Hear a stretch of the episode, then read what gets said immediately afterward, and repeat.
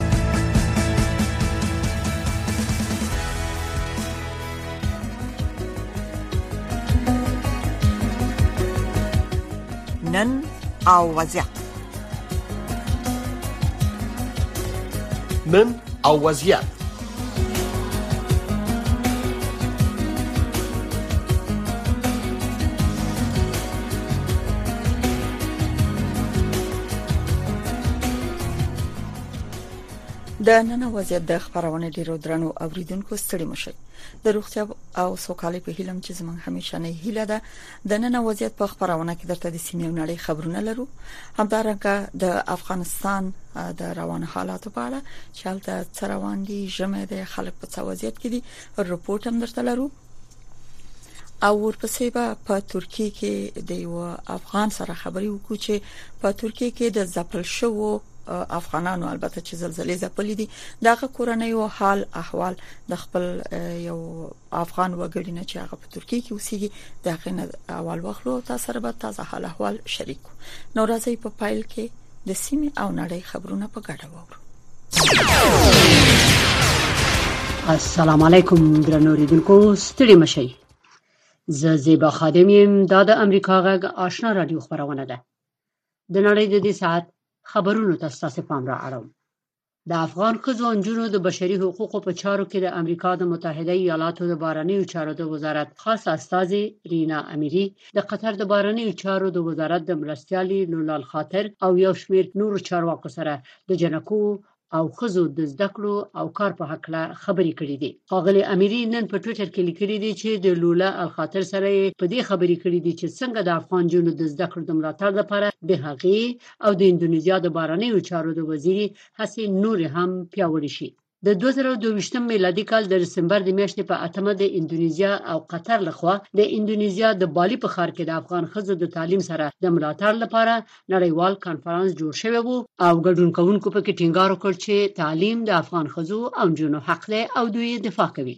د طالبانو حکومت ویلي دي چې د کابل د کارتینو په سیمه کې د داعشیانو یو پټنځای لمنځه وړی دی د دې خبر نه مخکې د ملګرو ملتونو سازمان په تیر هفته کې راپورټ ورکړی دی چې داعش نیت لري چې په کابل کې د ایران، چین او هند په سفارتونو بریدونه وکړي د طالبانو چارواکي وایي بیګا شپه د کابل په کارتینو کې په عملیاتو کې د داعش لس وسلوال وژلي او یو شمېر نورې ژوندي نیولي دي د افغانستان د ځواکمنو ښځو غورځنګ ویلي دي چې طالبانو د تخار په ولایت کې معترضه میرمن پریسا مبارز د دوه ورځو بند نه وروسته خوشې کړې ده خو وایي چې طالبانو په کابل کې د دغه غورځنګ یوه بله غړې نیولې ده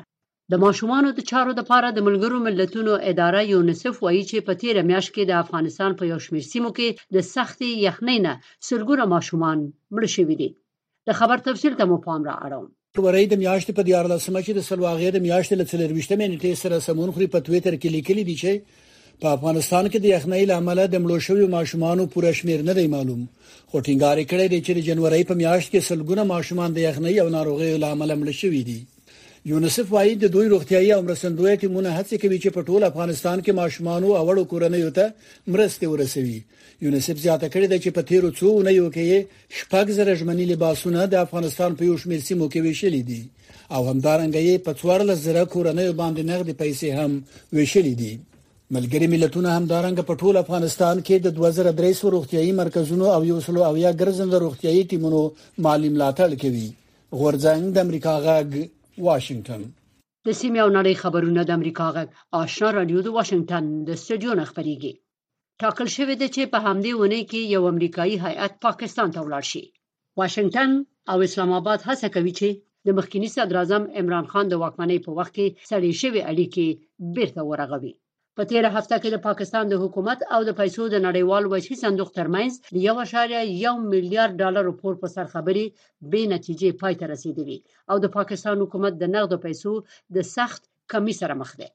د پاکستان مقامات پلان لري چې په خپل ولس مالیه لوړه کړي چې یو سل اویا میلیارډه کلدارې کېږي سره لدې چې د پاکستان حکومت ټینګار کوي چې د مالیو دا نوې پروګرام به په داسې ډول عملی کړي چې بیوزله خلک پکې زیانمن نشي مګر حکومتي چارواکي او د اقتصادي چارو کارپوهان په دې باور دي چې د مالیو د زیاتېدو له کبله به په پا پاکستان کې نرخونه نور هم لوړ شي او عام خلک به ډېر متضرر شي د ملګرو ملتونو کارپوهانو ویلي دي چې د دې سازمان د غړو هوادونو ترمنځ په اغلب ګمان د القاعده د شبکې د مخکینی مشر ایمن الظواهری د وژل کېدو نه وروسته د دې شبکې مشري سیف العدل ته سپارل شوې ده دغو کارپوهانو په یو راپور کې چې د دوشنبه په ورځ د ملګرو ملتونو د امنیت شورا ته وړاندې کړی دی ویلي دي چې دغه اعلان تر اوسه پورې نه دی شوی چې د ظواهري په ځای سیف العدل ټاکل شوی دی سیف العدل د دې شبکې د پخواني مشر اسامه بن لادن د امنیت مسول وو او د هغو الوتکو تختونکو په روزنې کې هم لاس درلود چې د یو د پاسه 2000 کال د سپټمبر د میاشتې په 11مه یې په امریکا کې بریدونه کړي وو په دې حق لا پوره معلومات د امریکا غږ په ویب پاڼو کې ولولئ په ترکیه او سوریه کې د مرګونې زلزلې د مړو شمیر د 18 زرو نه اوخته دی رویټرز خبري اژانس ویلي دی چې قریب 20 زره خلک یوازې په ترکیه کې مړ شوي دي په حکومتونو او ژغورونکو له دې امله انتقادونه زیات شوي دي چې د زلزلې یوه هفته وشوه خو د ژغورنې او پلټنې چارې لا پای ته نه دي رسیدلې پرون هم اته کسه د نړیدلو ودانیو نه ژوندي را ایستل شوي دي او د ناتو عمومي منشي وایي چې په اوکراین د روسیې پوځي عملیات نور هم پراخ شوي یانس چولټنبرګ پرون په بروکسل کې خبري غونډې ته وویل د لویدیز پوځي ائتلاف هیڅ داسې نښې نښانې نه ویني چې جمهور رئیس ولادیمیر پوتین به د سولې منلو ته چمتو وي په عین حال کې د برتانیې استخباراتو اعلان کړی دی چې روسي قواوې په ژپروژیا او لوهانسک کې لا هم دفاعي تاسیسات رغوي او نور اضافي پرسونل استوي زیبا خادم امریکا غږ واشنگتن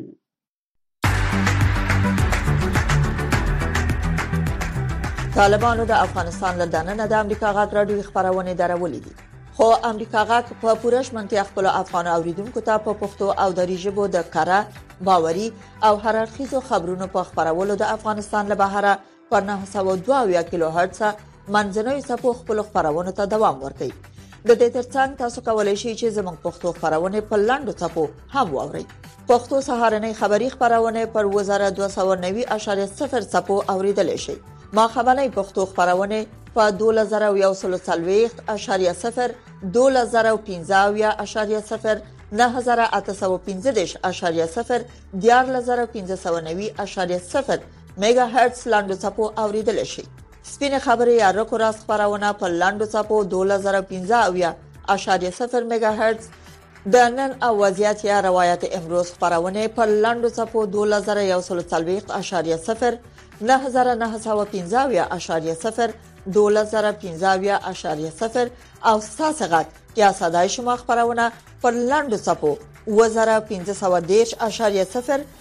9355 میگا هرتز اوریدل شي.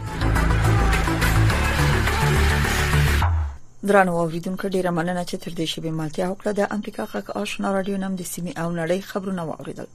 اوس به هم د افغانستان د وضعیت نه چې البته په ژمي کې د ماشومان وضعیت البته څه دی او یونیسف یا د ملګرو ملتونو د ماشومانو د ملاتړ اداره څه وایي د دوی موندنې د افغانستان د ماشومانو په اړه په دې ساړه ژمي کې څه دي په افغانستان کې د ملګرو ملتونو د ماشومانو د ملاتړ اداره یا یونیسف وی تیر میاشت افغانستان په یو شمیر ولایتونو کې د سخت سړې هوا له امله سلګونه ماشومان مړ شوي دي د طالبانو د حکومت د امر روغتیا وزارت لا تر اوسه د یخنۍ لامل د مړو شوو ماشومانو مړینه نه ده تایید کړې په دې اړه نور تفصیل زموږ همکار اکرام شینواری پر رپورت کې اوري د ملګرو ملتونو د ماشومانو د ملاتړ ادارې یونیسف په راپور کې چې د خپل ټویټر په پاڼه خپور کړي ویلي چې په تیر میلادي میاشت جنوري کې په افغانستان کې په سلګونو ماشومان د سخت یخنۍ او د سړې هوا څخه د زیږیدلو ناروغیو لامل مړ شوي دي یونیسف د مړه شوو ماشومانو دقیق شمېر نه دی ښودلی خو ټینګار یې کړی چې تېره میاشت په افغانستان کې په سلګونو ماشومان مړه شوي دي د هوا پېژندنې د ادارو د رپورټ له مخې په تېرو لس کلونو کې په افغانستان کې په روان ژمي کې هوا ډېره سړه وه د طالبانو د حکومت د پېښو په وړاندې د مبارزې د دولت وزارت ویاند شفیع الله رحیمي امریکا غږ ته ویل چې د دغه وزارت د لومړنیو شمیرنو له مخې سږکال په ژمي کې د ماشومانو په ګډون یو سل اتیا څخه زیات کسان د افغانستان په سړو ولایتونو کې د یخنۍ له امله مړه شوي دي خو ښاغلي رحیمي ویل چې د پیښو په وړاندې د مبارزې د دولت وزارت په شمیر کې هغه کسان شامل نه دي چې په روغتونونو کې او یا هم د اطلاع پرته خاورو ته سپارل شوي دي څو موږ خو چې شته ارقام لرل له حوادث سره چې لومړني ارقام ثبت شوي وو نو هغه اکثر هغه عجل ارقام وو دا د شفاخانو نه یا د کلینیکو نه یا د صحت عامې نه دغه ارقام تر اوسه موږ نه دي راخیستي نو طبعا تلفات شاید ډېر زیات وي ځکه مرضونه موږ سره ډېر وو او بل چې یخني به ول هغه په عجل وخت خو به که تلفات ورش کړل زموږ حوادث سره به ډېر ثبتېدل نو د صحت عامې نه تر اوسه موږ د ارقام لا نه دي اخیستي د پیښو پر وړاندې د مبارزې د دولت وزارت ویاند شفیع الله رحیمي وایي، تلفات په هغو ولایتونو کې پېښ شوي چې ډېره واوره پکې ورېدلې ده او هوا پکې ډېره سړه شوې وه. د ښاغلي رحیمي د وینا له مخې، د پېښو پر وړاندې د مبارزې د دولت وزارت هڅه کړې چې په روان ژمي کې له نورو وزارتونو سره په همغږۍ د لارو د بندېدو سره سره سړو سیمو ته درمل او روغتي ټیمونو په رسولو کې مرسته وکړي. هغه وویل چې د بدخشان ولایت واخان ولسوالۍ ته یې درمل او روغتیايي مرستې د لارو د بندېدو له امله د تاجکستان له لارې دغې ولسوالۍ ته رسولې وې. دا رقم بل ځای ته به چې رسېدګي نه کېدله لکه د تېرو ورځو کې چې واخان او دې ځای ته لارې بندې دي هلته خو اکثر هم ژمی ډېرې لارې بندې وي څه یخ په وجه څه تکلیف پیدا شوی بیا موږ د تاجکستان له خوا نه پکې هلته ډاکټران هم ولېږل پرسونل هم ولېږه د هغوی ته هم رسېدګي وکړه. افغانستان کې د ژمي د موسم د پیل دمخه د دغه هېواد په یو شمېر ولایتونو کې د سړې هوا له امله په ماشومانو کې د سینه او بغل، شلي، ټوخي او نورو ناروغیو زیاتېدو په اړه اندېښنې ښودل شوې وې. د طالبانو د حکومت د عامې روغتیا وزارت په واخان کې تېره میاشت د ژمنیو ناروغیو له امله دولس تنو مړینه تایید کړې ده. دغه وزارت تر اوسه په روان ژمي کې د سلګونو ماشومانو د مړینې په اړه د ملګرو ملتونو راپور ته غبرګون نه دی ښودلی. د تېرې جنورۍ میاشتې له لسمې نېټې څخه د افغانستان په زیات شمېر ولایتونو کې درنې واورې شوي. چې په ځینو ولایتونو کې سړه هوا د سانتي ګراډ منفي درې دېرش درجو ته رسولې وه. د واورو د اورښت له امله د یو شمېر ولایتونو د مرکز او ولسوالیو ترمنځ لارې هم بندې شوي او د سیمې اوسېدونکي یې د زیاتو ستونزو سره مخ کړي. د ملګرو ملتونو د ماشومانو د ملاتړ ادارې یونیسف ویلي چې ولایتونو کې د روغتیايي خدمتونو ترسره کولو لپاره یې په ټول افغانستان کې دوه زره درې سوه روغتیايي مرکزونو او یو سل اویا ګرځنده روغتیايي ټیمونو ته مالي ملاتړ برابر کړی دی. یونیسف د روغتیايي خدماتو پر مهال د ښځینه کارکوونکو حضور مهم بللی او ویلي دي چې د هغوی په مرسته به اړو مېرمنو او ماشومانو ته روغتیايي خدمات ورسول شي. دا په داسې حال کې ده چې تر دې مخکې یو شمېر بهرنیو خیریه موسسو ویلي و چې په افغانستان کې د طالبانو د حکومت له خوا د ښځو پر کار بندیز به د مرستې رسولو بهیر ټکنی کړي. د طالبانو حکومت ویلي چې د عامې روغتیا په سکتور کې د ښځو په کار باندې بندیز نه دی لګولی او ښځې لا هم په دغه سکتور کې خپل کار ته دوام ورکولی شي.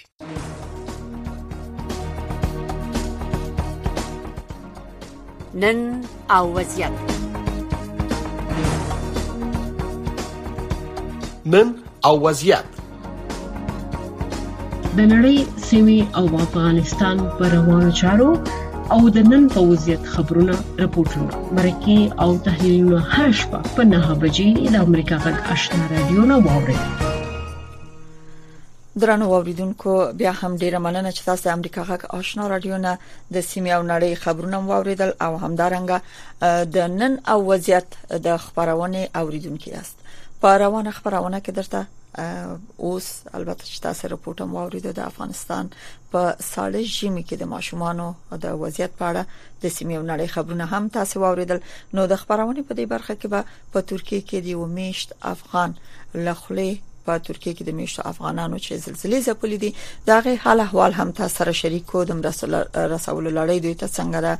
څومره افغانان له بده مرغه تلف شوی دي څومره کورونه رنګ شوی دي په کوم سیمو کې افغانان ډیر میشتو چې هغه ته اسی بیا zarar رسیدلې ده البته تاسو د امریکا غک آشنا رادیو او تلویزیون له طریقه په دې اړه بحثونو کې معلومات اوریدلې دي او لیدلې به می چې څومره افغانان متضرر شوي دي خو بیا هم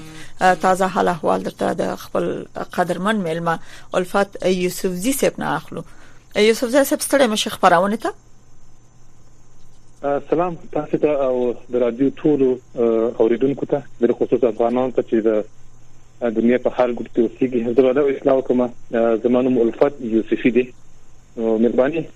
زه ان شاء الله په خدمت کې ما کوم معلومات چې زه لرم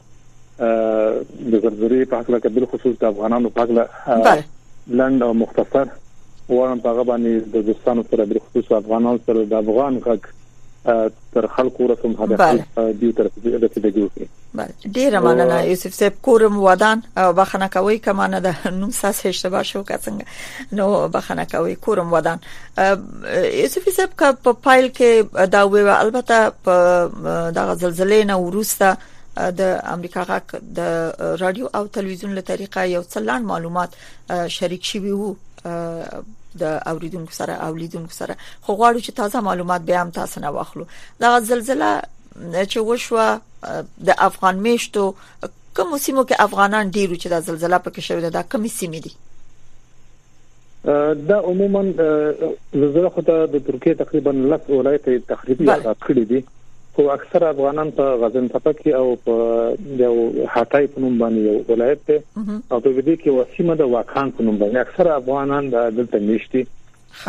زه باید یو څل به دا خبره د تکرار کوم چې من وخت کې د افغانانو نوم خو دلته د افغانو الاصل ترکان دي دا هغه افغانان چې پاکستان نه کډوال شوی دلته د امارات څخه کډوال شوی دي او ځینې په اوس وخت کې د افغانستان څخه د بد وضعیت خبرته دا کډوال شوی دی او په دې صورت باندې د سعودي عرب څخه بله او ځینې چې دی قانوني اسناد او د دې د تاجت لري او ځینې دی چې ځکه لکه د نور افغانانو په شکل باندې ته د غریبي او مزوري لپاره راغلي دي بله اوس تر افغانان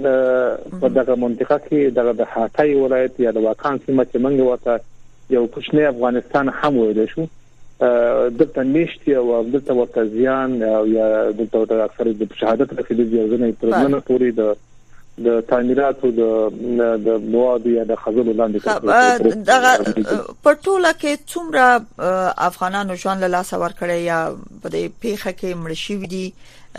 وژل شوی دي مړ شوی دي په دې پیخه کې څومره کورونه به د افغانانو تخریب شوی دا څه څه سایه شته تخمینی تخنيني که زه ووایم دلته تقریبا د 15 زره شاوخوا کې لکه کوم میشت افغانان چې د ما سره تماس نیولې ژوند ژوند کولو او دی تر څونو پورې لکه تقریبا 3 تر 2 درې سو پورې بتونو باندې دی دا تعداد خي چې په شهادت رسیدلی دی یا د زلزلې او ځین اړول نه منطقه تاسو هم په تصاویرو کې هم کتلې دي او ځینې میډیا او د دې راپورونه خبر کړی دا منطقه مکمل اواره شوې ده یو نن یو نیم تنګرونه چې تاسو ولر تاسو ګوري هغه د هغه اساس تخریب شوی دی حکومتي چارواکي خلکو ته اجازه نه ورکوي چې داخل دغه تنګ ته نه نوځي ځکه امکان دې شته چې هغه یو کوم کسان چې ژوند په دغه بیا خپل ژوند د لاس ورکړي دلته د شلتر پروګرام یا هغه ایمرجنسي کوم اجازه مرسته چې کوم کی هغه پروګرام په منطقه کې جوړ شوی ورته دلته سیاره خیمه او ځینې کومک مواد ورته رسیدلي دي او خلک ولې هوا دلته تاسو خپل کول شي ویم ګوري دا هوا د ډیره سړه ده تر پرونه پورې په حتی په استانبول کې موسم باراني او وورین او د یخ هوا لګي کوله نو ځن فعلا لپاره هغه عادي حالات ته نه دی روان تر نن پورې ځنې اتات یا ځنې اشخاص ژوندۍ پاتې د خزر لاندې دي په مکی مسندوی ټیمونه د مختلفو هوادونو څخه د ژغورنې عملیاتو باندې یو څه انتقاد موجود دی د افغانانو مشخصا که د افغانانو پښتنه وکړو د ژغورنې عملیات په هغه منطقو کې چې افغانان دي څنګه روان دي هغه د څه مشکلاتو سره د ژغورنې په عملیاتو کې کوم مشکلات یا ستونزې سره مخ دي زه یو ځل باید دا ویم چې دلته یوازې د افغان کلمه مطرح نه ده دلته یو بشري ناورین مخ ته راغلی دی بالکل بالکل همدا څه دا یوسفي صاحب زه باید دا خپل خبره زه توضیح کوم چې ولې د افغانانو پښتنه کوم دا یو بشري ناورین دی چې نړۍ حیرانه کړي نړۍ اندېښمنه کړي ده او موږ هم د انسانانو په صفت باید دا تفکیک ونکو اما هغه کورنۍ چې په افغانستان کې دي خلک یې الته دي به اطلاع پاتې دي پاغه خاطر زدا مشخص کوم زما هدف دا دی مهرباني ادب مو زما هدف دا چې د یو بشري ناورین ناورین دی او دا د ټول نړۍ د بشریت لپاره یو بد زیرو ولی خپل د ترکیه حکومت یا د ترکیه نظام د دې څخه هغه ځکه چې اوس معذور دي چې ټول مشکلات په یو ځل باندې د جوړ کینو همدا چې د حکومت چارواکو د حکومت چارواکو په مختلفو هیوادونو باندې غږ د مرستې وکړو نو اکثره ممالک خپل هغه مسندوی مسندوی ټیمونه د تر لګیري دی او هغه او د عملیات چاري کوم چې هغه ملک د اکړې نیولې بچی دي بچی دې ځکه تر بیګا شپې پورې اتنه په تاسو برسانې دې دې ځنې ژوندۍ انسانان هغه د بارسته د وسلاتیا ساتو خو تاسو څخه یې څپګه د تاسو څخه ژوندۍ راوته لو ځنه څادر وته ورته دا په هغه وخت تر څه دې شي نو اتمن ډیر ډیر ډیر مړي چې اوس په شهادت رسیدلی هغه موږ ژوندۍ لاس راوړل ولې دا یو تنه د حکومت د حکومت په وخت کې هم نه ده او هغه تخنیکی او مسلکی اشخاص ته ډیر هم ضرورت دي چې یو تمنځله یا لکمنځله تعمیر مکمل راوړي چې هغه څخه د اثر یا د زخمونو راځل دلته یو یو ظرفیت ضرورت کیږي خو ولې زه یو څه باید بلم یاد کوم دلته موږ دا یو لکه زه چې کومه تجربه لرم البته په افغانستان کې بدبختانه یا خوشبختانه وته چې موږ صرف مشورې زنه دوستان ته ورکول شي چې ایمرجنسي پروګرام نه پدای ایمرجنسي پروګرام دی د لپاره باید کوم شانو ته ضرورت شي ضرورت شي او کوم منابع باید په کار واچول شي بله بله هم دې کې موږ تاسو نه پوښتنه ولرو یوسفي صاحب خو دغه د ژغورنې د عملیاتو د کومک رسونې دغه باره کې مکه یو څه وې بیا اخر کې تاسو نه مشوره واخلو ځکه چې دا خو طبي افات دي هر چیرته او هر کله پیښې دي شي به به تاسو نه مشوره په دې اخر کې واخلو چې خلک د ځان د حفاظت لپاره څه تدابیر نیول شي او څنګه ځان د مرګ د خطر نه ژغورل شي ځکه دا طبي افات مخه نیول خدای الله پاک په لاس کې دی نشي نو اده عقل انسانان خو کولای شي چې تر یو حد پورې ځان وژغوري د مرګ نه البته نو د کوم تاسو نه مشوره اخلو خو اوس د کومک رسونه لړۍ څنګه ده په ټوله کې د ټولو زلزلې ځپل د لپاره خصوصا د افغانانو لپاره البته میشت افغانانم چې په خوانه راغلي دي ژوند یو یو څه خده کاروبار یو څه خده تجارتونه لري دوی څومره سکه د خپل وطنوالو سره او په ټوله کې مرسته څونه رسیدي دوی ته مشري خو زه به تاسو ته خپل ټول اوریدونکو ته دا ویم چې افغانان یو متحد قوم دی او زه د افغانانو او اقوام د یو مشر روپ په صفت باندې لکه پښتون قوم په دې خاطر مې دا مې اړینه وبلله چې دا د افغانانو اواز حداقل تر رسنۍ پورې ورسوم نو ولو کا منطقه کې زمونږ ټول تاجک ازبک ترکمن او بشري ورونه پښتانه ورونه د ژوند کې نو ما دا ځان باندې پاز وګڼنه چې زه د خپل افغانانو غږ تر نړیوالو پروسم چې دلته زموږ یو یو یو نسل موجود دی او د دې ته خطر متوجه دی نو په دې خطر باندې موږ په ترکیه په ولایتو کې مختلف ولایتو کې د خصوص په استانبول کې د افغانانو فعال ټولنې لرو بل خصوص ترکمن او ازبک رومه چې د ځوان کې په په استانبول یا په انقره کې دي دو یو کمیونټي کمیونټیز لري یا کمیونټي هال لري او په ترکیه اصطلاح کې دی ته درنک وایي او چې دلته په منظمه توګه راغونډيږي کله چې دغه واقعات دا واقع پیښه شو نو کوم درنکونه یا کوم کمیونټیز هات په استانبول کې دي ټول تاسو افغانانو باندې ګروپونه دلته د واتس اپ ګروپونه د رسنۍ ګروپونه لري په دې غوږو کې تاسو خپل مرسته بایدو کې د ټول ترکی ملت سره حالت یوازې غنو نو په هغه ولر ورځ باندې په